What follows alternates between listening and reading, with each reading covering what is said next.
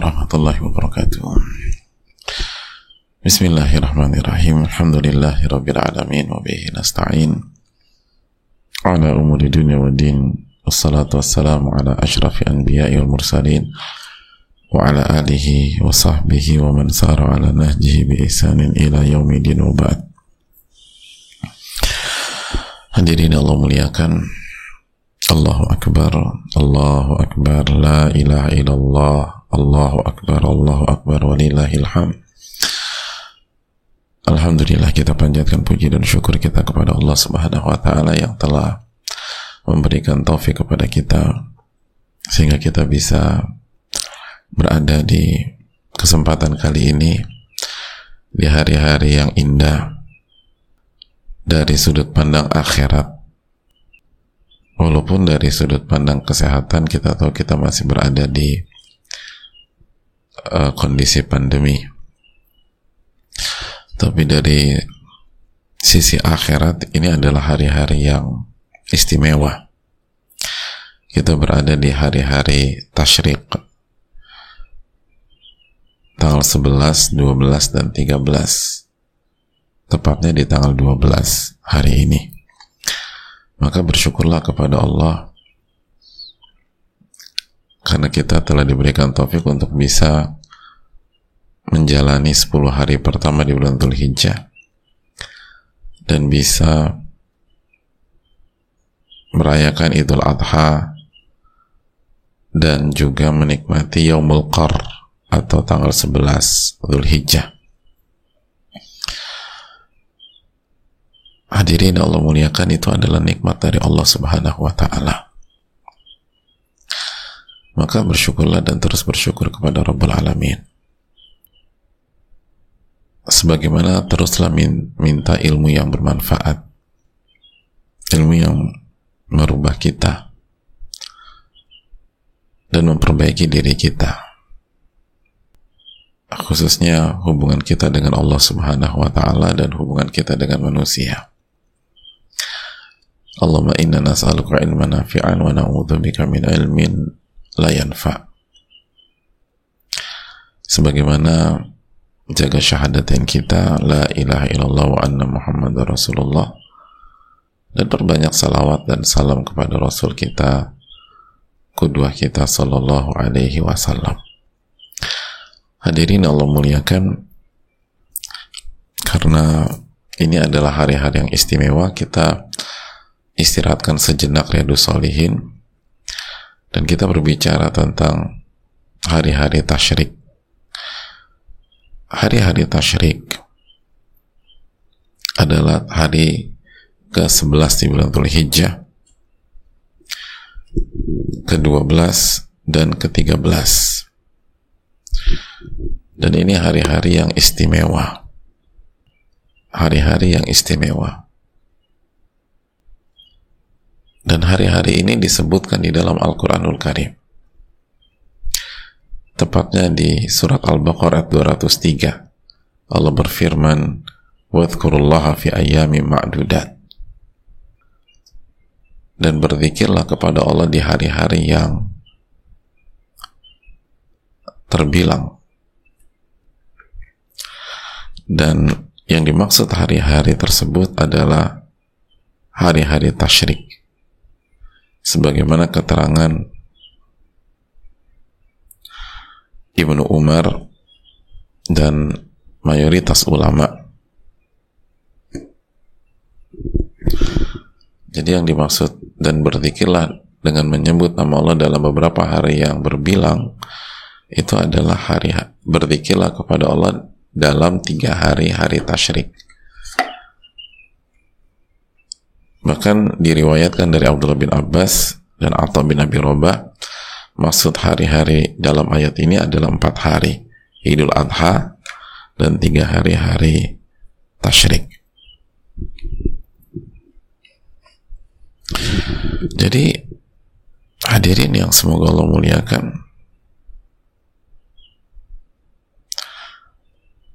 hari ini ada di dalam Al-Quranul Karim dengan nama hari Ma'dudat, ayami Ma'dudat dan tugas kita pun juga ada hadirin yaitu berzikir kepada Allah Subhanahu wa taala. Ini hari-hari berzikir. Hari-hari yang jangan dilewatkan dengan santai-santai. Hari-hari yang hendaknya dimaksimalkan. Dengan berzikir kepada Allah Subhanahu wa taala.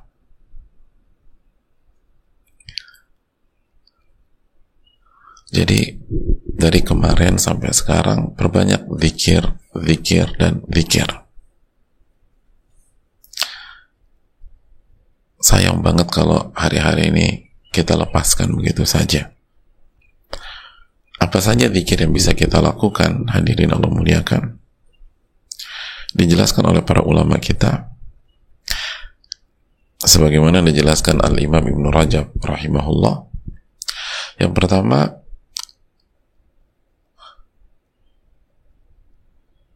bertakbir ba'da salat. Salat wajib.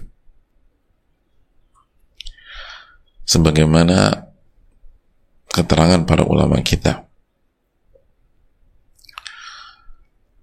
dan Imam Ahmad ketika ditanya beliau atau maaf Imam Ahmad menukilkan ijma dalam masalah ini. Imam Ahmad menukilkan ijma dan juga Imam Malik menukilkan kesepakatan. Dan juga Imam Sarhasi juga menukilkan kesepakatan. Dan ini diriwayatkan dari Umar dari Ali dan dari Abdullah bin Abbas radhiyallahu taala anhu jadi jangan pernah lupa bertakbir setelah salat wajib. Bahkan sebagian ulama mengatakan kalau lupa bertakbir setelah sholat wajib bisa dikodok. Begitu ingat takbir langsung. Niatnya tok kodok qabla atau ba'da salat salawatil wajibah. Itu keterangan sebagian ulama menunjukkan pentingnya bertakbir ba'da salat wajib sampai ba'da asar di tanggal 13 besok jadi kita masih punya kesempatan untuk bertakbir tadi subuh udah, zuhur nanti, asar, maghrib, isya, subuh lagi, zuhur, asar, udah. Maghrib besok udah selesai. Jadi manfaatkan hadirin. Manfaatkan. Dan teknisnya terjadi uh, perbedaan yang cukup uh, kuat di tengah-tengah para ulama dan dengan keterbatasan ilmu saya, saya lebih cenderung ke pandangan bahwa setelah salam kita istighfar dulu lalu baca Allah mantas salam minka salam tabarok ta'ala jalal ikram baru takbir baru lanjut uh, zikir pada salat lainnya jadi ini hal yang hendaknya kita lakukan Terus yang kedua, zikir yang dimaksud zikir apa hadirin? Kata para ulama, uh, yang bisa kita khusus tekankan di hari-hari ini adalah zikir dengan mengucapkan bismillah dan takbir ketika menyembelih hewan kurban. Ketika menyembelih hewan kurban.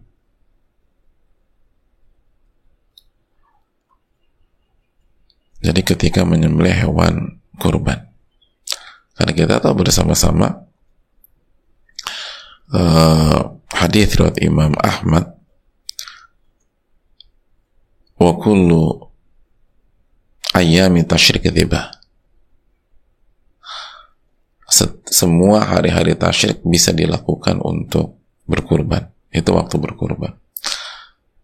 Dan juga ini sekilas apa namanya sekilas info yang tulis tekankan yang baru mendapat rezeki ha kemarin atau hari ini atau besok dia masih bisa berkurban insyaallah taala walaupun terjadi perbedaan tentang hari esok tetapi hadis di atas menunjukkan setiap hari tasyrik atau hari-hari di Mina itu adalah waktu berkurban. Jadi yang punya baru dapat rezeki hari ini cari hewan kurban. Dan biasanya hewan kurban di hari ini dan besok tuh harganya jauh lebih murah. Tapi jadi sengaja aku mau kurban nanti besok aja lah biar paling murah. Loh kalau bisa pas 10 hari pertama tadi kita bayar itu kenapa enggak? Kalau kita bisa berkurban di tanggal 10 atau tanggal 11 sebagai hari-hari terbaik kenapa ditunda? Tapi kalau yang nggak punya uang gitu loh baru gajian hari ini atau dia dia uh, uangnya di tangan orang baru dibayar hari ini itu berkorban hadirin. Berkorban. Dan jangan lupa baca bismillah lalu dan bertakbir. Pas menyembelih ah itu termasuk ke dalam ayat Al-Baqarah 203 tadi. Al-Baqarah 203 jadi ber, bertas uh, mengucapkan bismillah dan bertakbir ketika memotong. Ketika memotong Makanya juga bagi teman-teman dan jamaah sekalian yang mungkin sudah berkurban di tanggal 10 atau hari, tahun ini nggak bisa berkurban karena uh, ada kondisi. Terus ada orang yang minta dipotongin potongin hadirin. Wadhkurullaha fi ayami ma'dudat. Di antara niatnya agar kita bisa ber, baca bismillah dan bertakbir di hari-hari ini. Dan salah satu makna berzikir dalam Al-Baqarah 203 adalah mengucapkan bismillah dan bertakbir ketika memotong. Ketika menyembelih. Wadhkurullaha fi ayami ma'dudat. Gitu. Kan mungkin ya ada ya ada wanita yang ingin menyembel apa berkurban udah saya potongin gitu loh. Atau orang yang masih belum uh, apa oh, yang ada kendala sehingga dia nggak bisa potong sendiri udah saya potongin ya gitu loh. saya sembelihin ya. Jadi itu yang perlu kita camkan bersama-sama. Hadirin Allah muliakan itu yang kedua. Yang ketiga yang kita bisa berzikir juga yaitu berzikir saat kita makan dan minum. Ya, karena Nabi SAW mengatakan ayamu hari-hari tasyrik itu ayamu aklin wa syurbin wa zikrillah. Hari makan, hari minum, dan hari berzikir kepada Allah. Jadi hari makan, hari minum, hari berzikir kepada Allah. Makanya nggak puasa di hari-hari ini. Dan gabungkan makan dan minum dan berzikir. Oleh karena itu hadirin Allah salah satu cara kita mengamalkan Al-Baqarah 203 di hari-hari ini adalah kita makan dan minum dan sebelum makan baca bismillah dan setelah makan kita mengucapkan bertahmid kepada Allah.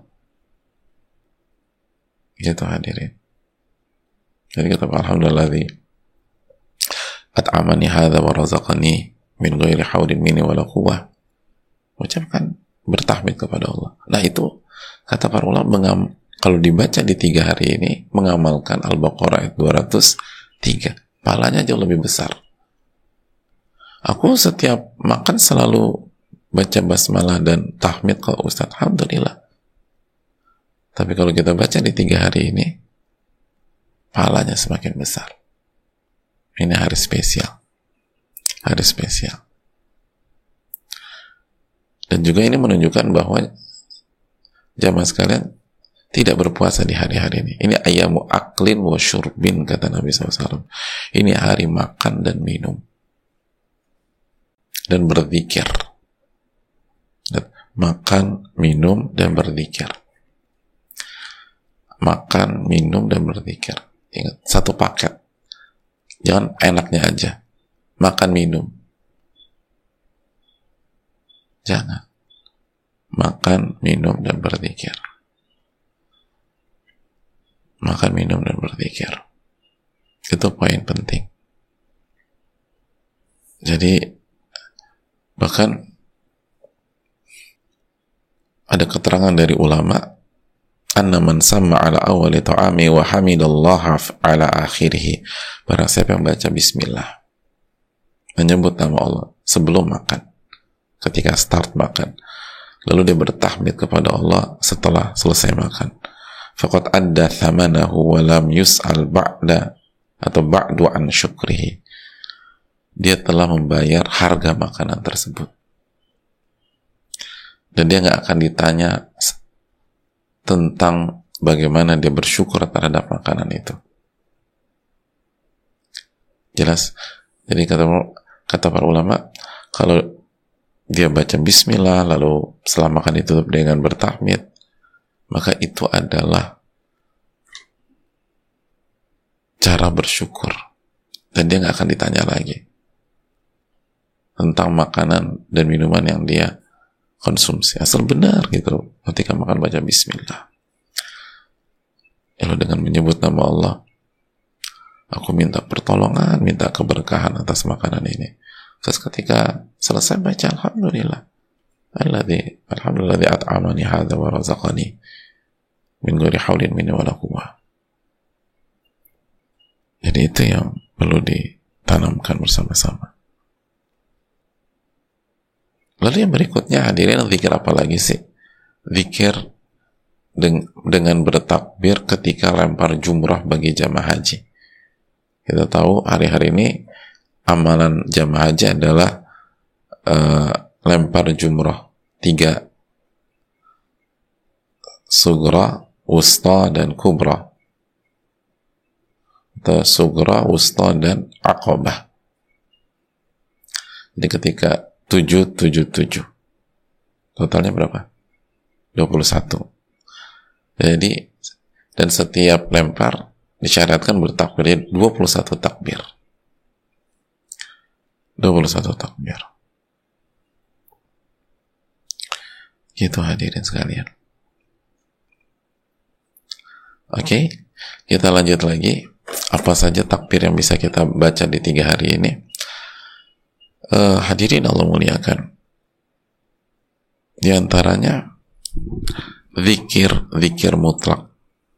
Jadi apalagi zikir yang bisa kita amalkan? Zikir zikir mutlak. Artinya bebas. Zikir apa aja? Zikir apa saja?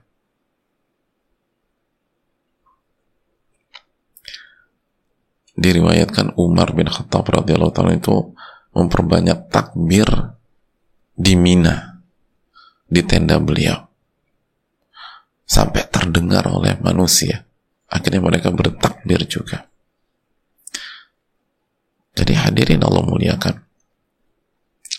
Jadi perbanyak berzikir. Perbanyak takbir mutlak. Ingat takbir mutlak masih berlaku loh. Dari tanggal 1 kemarin sampai tanggal 13 lalu zikir apa pun perbanyak tasbih perbanyak uh, tahlil gitu hadirin. Terus zikir-zikir harian jangan sampai lupa. Zikir pagi, zikir petang dibaca. Perbanyak istighfar di hari-hari ini. Pokoknya zikir-zikir dibaca hadirin. Subhanallah walhamdulillah wala ilaha illallah wallahu akbar. Perbanyak yang belum baca zikir pagi baca zikir pagi. Itu hadirin. Dan hadirin Allah muliakan. Kembali ke hadis yang sebelumnya kata ketika Nabi SAW mengatakan ini hari-hari makan dan minum dan berzikir kata para ulama ini pesan bahwa makan dan minum itu salah satu tujuan utamanya untuk mendukung dan mensupport kita dalam berzikir kepada Allah.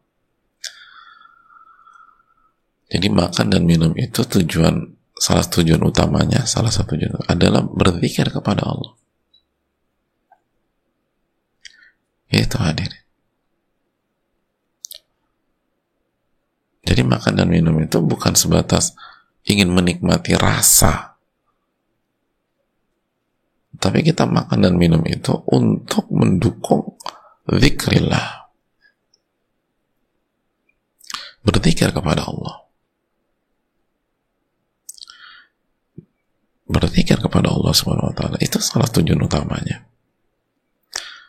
Bukan tentang apa uh, memanjakan lidah kita dengan rasa semata makan makanan enak selama halal nggak masalah hadirin. Tapi tujuannya selalu ingat. Apalagi kalau makanannya enak gitu ya. Berarti PR kita dalam berzikir dan bersyukur itu lebih besar. Nah pertanyaannya udah belum berzikir dan bersyukur. Hadirin Allah muliakan. Jadi ini PR kita. Jangan hanya makan minum aja. Makan minum itu fungsinya untuk berzikir. Lalu apalagi amalan di hari-hari tasyrik hadirin? Di antaranya adalah banyak para ulama klasik seperti Ikrimah dan lain-lain itu mensunahkan kita membaca Rabbana atina fid dunya hasanah wa fil akhirati hasanah wa qina adzaban nar di hari-hari tasyrik. Di hari-hari tasyrik. Gitu. Gitu. Karena kalau kita lihat konteks ayat eh, doa tersebut di dalam Al-Quran ini berkaitan dengan hari-hari tasyrik. Coba kita lihat Al-Baqarah 200 dan 201. فَإِذَا قَضَيْتُمْ manasikakum Maka apabila kalian telah menyelesaikan ibadah haji kalian,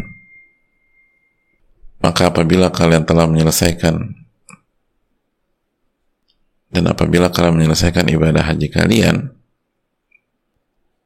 فَذْكُرُ kadzikrikum aba'akum aw أَوْ dzikra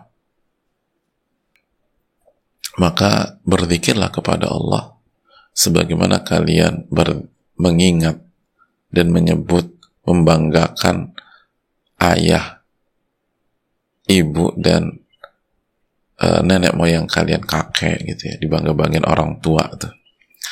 Atau lebih dari itu. Faminan nas man yaqulu rabbana atina fid dunya wa ma lahu fil akhirati min khalaq maka di antara manusia ada yang berdoa Rabbana atina fid dunya wa ma lahu fil akhirati min khalaq. Ada yang berdoa wahai Rabb kami berikanlah kebaikan di dunia. Dan mereka tidak mendapatkan kebaikan dan kebahagiaan di akhirat. Karena hanya minta dunia aja. Lihat doanya minta dunia doang. Rabbana atina fid dunya wa ma lahu fil akhirati min khalaq Lalu berikutnya di ayat ke-201 wa minhum dan di antara manusia ada yang berdoa Rabbana atina fid dunya hasanah wa fil akhirati hasanah wa qina adzabannar. Jadi kalau kita lihat doa ini itu konteksnya adalah di hari-hari haji. Makanya banyak para ulama klasik menjadikan ayat ini sebagai dalil memperbanyak doa ini di hari-hari tasyrik. Rabbana atina fid dunya hasanah wa fil akhirati hasanah wa qina adzabannar. Jadi perbanyak doa ini hadirin Allah muliakan. Gitu. Ini hal yang penting. Dan terakhir jamaah sekalian Allah muliakan. Uh, perintah untuk makan, minum, dan berzikir. Ini adalah pesan besar bagi kita. Jadi hari-hari ini kasih pesan kepada kita bahwa seorang mukmin hadirin hendaknya dalam hidupnya menggabungkan antara kenikmatan secara fisik dan kenikmatan secara hati dan jiwa. Kenikmatan secara fisik dan badan itu dari makan dan minum. Dan kenikmatan hati dan jiwa itu dengan berzikir dan bersyukur. Jika kita punya dua hal ini, kata para ulama, tatimun ni'mah. Nikmat itu sempurna. Nikmat itu sempurna. Gitu. Karena nikmat makan dan minum itu luar biasa. Bahkan bagi sebagian orang itu nikmat makan dan minum lebih besar daripada nikmat kenyamanan dan fasilitas. Makanya banyak orang itu yang hobi kuliner makan di sebuah tempat makan yang gak nyaman sama sekali. Yang penting rasanya enak. Gitu Antum termasuk yang demikian gak? Gitu Pokoknya dia tuh mau di tempat yang begini, oh pokoknya dijabanin, didatengin. Karena yang penting enak tempatnya tuh nggak kondusif nggak nyaman. Eh rasanya enak.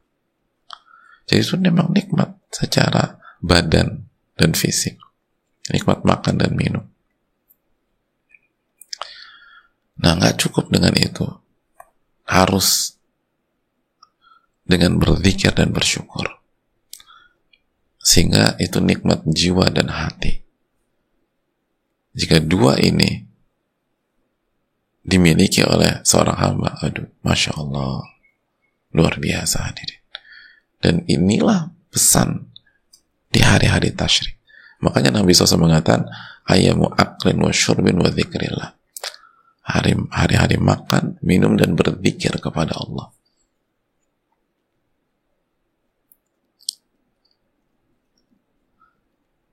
Jadi amalkan. Perbanyak berzikir dan silakan makan dan minum dalam rangka mengamalkan hadis di atas. Jangan berpuasa dan berzikirnya zikir eh, takbir pada salat wajib. Lalu uh, takbir ketika menyembelih, takbir yang lempar jumrah, lalu zikir dan takbir mutlak apa saya? Terus jangan lupa zikir dan zikir harian, kita berusaha baca sebanyak-banyaknya di hari ini. Dan jangan lupa juga baca doa Rabbana atina fid dunya hasanah wa fil akhirati hasanah wa qina Allah taala misawab dan sel dan dan resapi maknanya. Bagaimana menggabungkan nikmat badan dan nikmat jiwa dan hati. Ini yang bisa disampaikan. Kita buka sedikit waktu untuk Sesi tanya jawab. Wassalamualaikum Muhammad. Ada pertanyaan? Khususnya tentang hari-hari tasyrik. Uh, Bismillah barakallahu fikum fikum barakallah mohon izin karena PPKM sehingga pesan kurban secara online sementara dapat antrian sembeli di hari tasyrik maka habis sholat id kami tetap belum boleh potong kuku dan rambut yang sampai kurban tersebut disembelih. Ya terima kasih atas pertanyaan, tapi jangan lupa salam ya hadirin. Karena kata Nabi SAW, Assalam qabla su'al. Salam sebelum bertanya, kata Nabi SAW. Uh, eh, jawabannya, ya, sampai hewan itu disembelih. Jadi tetap uh, bertahan dengan kondisi itu sampai hewan itu disembelih. Dan insya Allah dapat pahala yang maksimal. Ambil hikmahnya. Berarti yang lain udah potong kuku kita tetap menjalankan sunnah tersebut. Jadi pahala. Oh kalau gitu saya tasrih jangan. Yang bisa lebih cepat lebih cepat. Tapi yang yang tidak bisa bukan tidak mau tetap insya Allah dapat pahalanya dan di sisi lain uh, sekali lagi uh, dia dapat uh, kesempatan untuk mengamalkan sunnah Nabi lebih lama dari yang sudah dipotong sebelumnya. Allah taala misawab. Assalamualaikum warahmatullahi wabarakatuh. Waalaikumsalam warahmatullahi wabarakatuh. Semoga Allah merahmati dan menjaga ustadz keluarga, tim kajian, dan memperbaiki urusan-urusan kaum muslimin seluruhnya. Amin. Ya Rabbal Alamin. Afan Ustadz izin bertanya kalau kondisi suami tidak mampu untuk berkurban karena tidak memiliki penghasilan. Sementara istri mampu mana yang lebih afdal istri bersedekah pada suami untuk berkurban atau bolehkah istri berkurban untuk keluarga? Jazakallah khairan khairan jazakumullah khairan kathiran. Insya Allah boleh dua-duanya boleh biidnillah sebagaimana dijelaskan sebagian para ulama tapi dengan keterbatasan ilmu saya saya lebih cenderung ke pandangan uh, kasih ke suami sebagai hadiah. Lalu suami nanti uh, berkurban untuk beliau dan keluarga sebagaimana hadis Abu Ayyub. Sehingga kita dapat pahala uh, dari sisi kurban dan dapat pahala memberikan kepada suami. Pahalanya gede kan? Ngasih suami itu pahalanya besar loh hadirin. Masya Allah. Gitu. Dia dapat dua. Allah Ta'ala misawab Assalamualaikum warahmatullahi wabarakatuh. Semoga Imam Nawawi, Ustadz, tim dan seluruh kaum muslimin diberkahi dan dirahmati oleh Allah. Amin ya rabbal alamin. Ustadz, insya Allah pada hari Jumat besok di hari Tashrik, Anda akan melaksanakan akad nikah. Jika Allah mudahkan. Apa yang harus Anda Anda persiapkan di hari ini menjelang hari H Ustadz. Jazakallahu khairan Oh ini nikah ini nggak ada hadisnya hadirin. Oh berarti dibatalin Ustaz. Jangan. Bismillah nggak apa-apa. Cuman nggak ada dalil super spesifik. Boleh gitu loh. Uh, acaranya besok ya. Banyak doa sama Allah subhanahu wa taala. Banyak istighfar. Dan minta agar Allah tolong kita. Karena nggak mudah kecuali dimudahkan oleh Allah subhanahu wa taala. Ya perbanyak berzikir berbanyak takbir gitu lah dan minta nasihat ke sosok-sosok yang bijak dan berusaha menjalankan keluarga yang sakinah mawaddah warahmah. Kita apalagi kalau kita masih muda-muda banyak minta nasihat, banyak minta nasihat penting. Allah taala misawab. Uh, Assalamualaikum warahmatullahi wabarakatuh. Waalaikumsalam warahmatullahi wabarakatuh. Semoga Allah senantiasa merahmati Imam Nawawi, mengampuni seluruh dosa beliau, menempat, menempatkan beliau di surga. Semoga Allah merahmati, memberkahi, menjaga kesehatan, membalas seluruh kebaikan Ustaz beserta tim amin ya alamin dan semoga Allah senantiasa memberikan umat Islam keamanan ketentraman dalam beribadah hingga wafat dalam keadaan husnul khatimah amin ya rabbal alamin uh, Izin bertanya Ustadz, anak alhamdulillah sudah membayar untuk kurban dari sebelum satu Dhul Hijjah.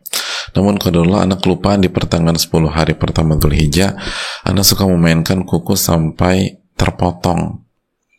Apakah kelupaan anak ini dimaklumi sebagaimana faedah dalam Al-Baqarah terakhir? Dan apakah hari tasyrik itu dimulai dari tanggal 10 sampai 12 atau dari tanggal 11 13 Ustadz? Syukran jazakallahu khairan. Waalaikumsalam. Iya, insya Allah kalau nggak sengaja, Rabbana la tu'akhidna inna sina wa akhtana. Bahkan kita sudah jelaskan, dijelaskan Imam Tobari bahwa uh, ayat ini lebih ke arah adanya kelalaian, bukan sebatas lupa saja. Jadi ketika kita lalai, uh, ketika kita layan, eh ketika kita lala, ada kelalaian karena suka main-mainkan main-mainkan apa uh, kuku maka insya Allah termasuk ke dalam masuk ke dalam uh, ayat tersebut dan semoga Allah ampuni uh, semoga Allah mengampuni hal tersebut. Semoga Allah mengampuni hal tersebut.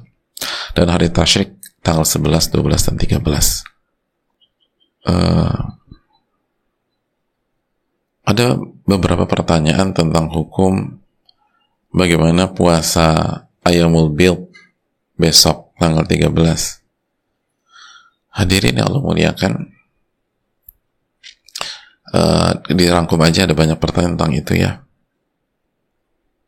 Uh, adapun puasa sunnah di hari-hari tashrik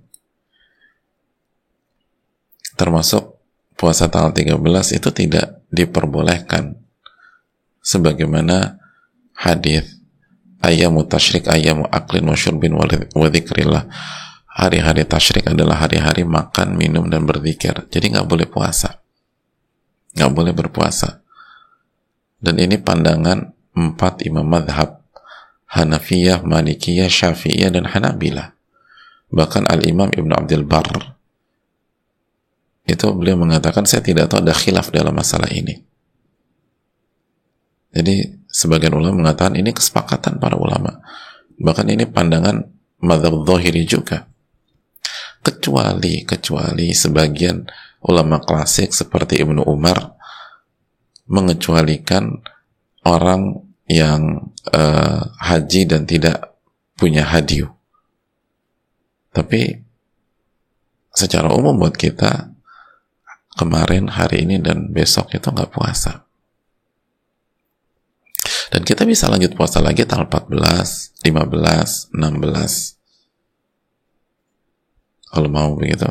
Jadi 11, 12, 13 tidak puasa. Ya hadirin itu yang perlu kita camkan. Lalu ada pertanyaan Assalamualaikum warahmatullahi wabarakatuh. Warahmatullahi wabarakatuh. Untuk doa sapu jagat yang ini apa boleh di hari-hari tasyrik diucapkan sebagai zikir dikerjakan ber, dikerjakan beraktivitas jazakallahu khairan. Intinya kan doa itu dengan hati hadirin. Boleh artinya sambil ini terus Rabbana atina fid dunya hasanah fil akhirati hasanah. Boleh. Tapi libatkan hati kita. Libatkan hati kita. Allah ta'ala alam bisawab ini bisa disampaikan. Dan yang uh, terakhir uh, kita minta kepada Allah Subhanahu wa taala agar memberikan kita ilmu yang bermanfaat dan melindungi kita dari ilmu yang tidak bermanfaat Semoga Allah terima amal ibadah kita dan uh, saya dan seluruh tim juga mengucapkan kepada jamaah sekalian selamat hari raya Idul Adha tahun ini. Taqabbalallahu minna wa minkum. Semoga Allah menerima seluruh amal ibadah kita. Dan bagi yang belum berkurban dan punya rizki di hari ini dan esok, masih ada kesempatan perbanyak zikir, perbanyak takbir. Terima kasih banyak. Subhanakallahumma wa ilaha illa anta. Assalamualaikum warahmatullahi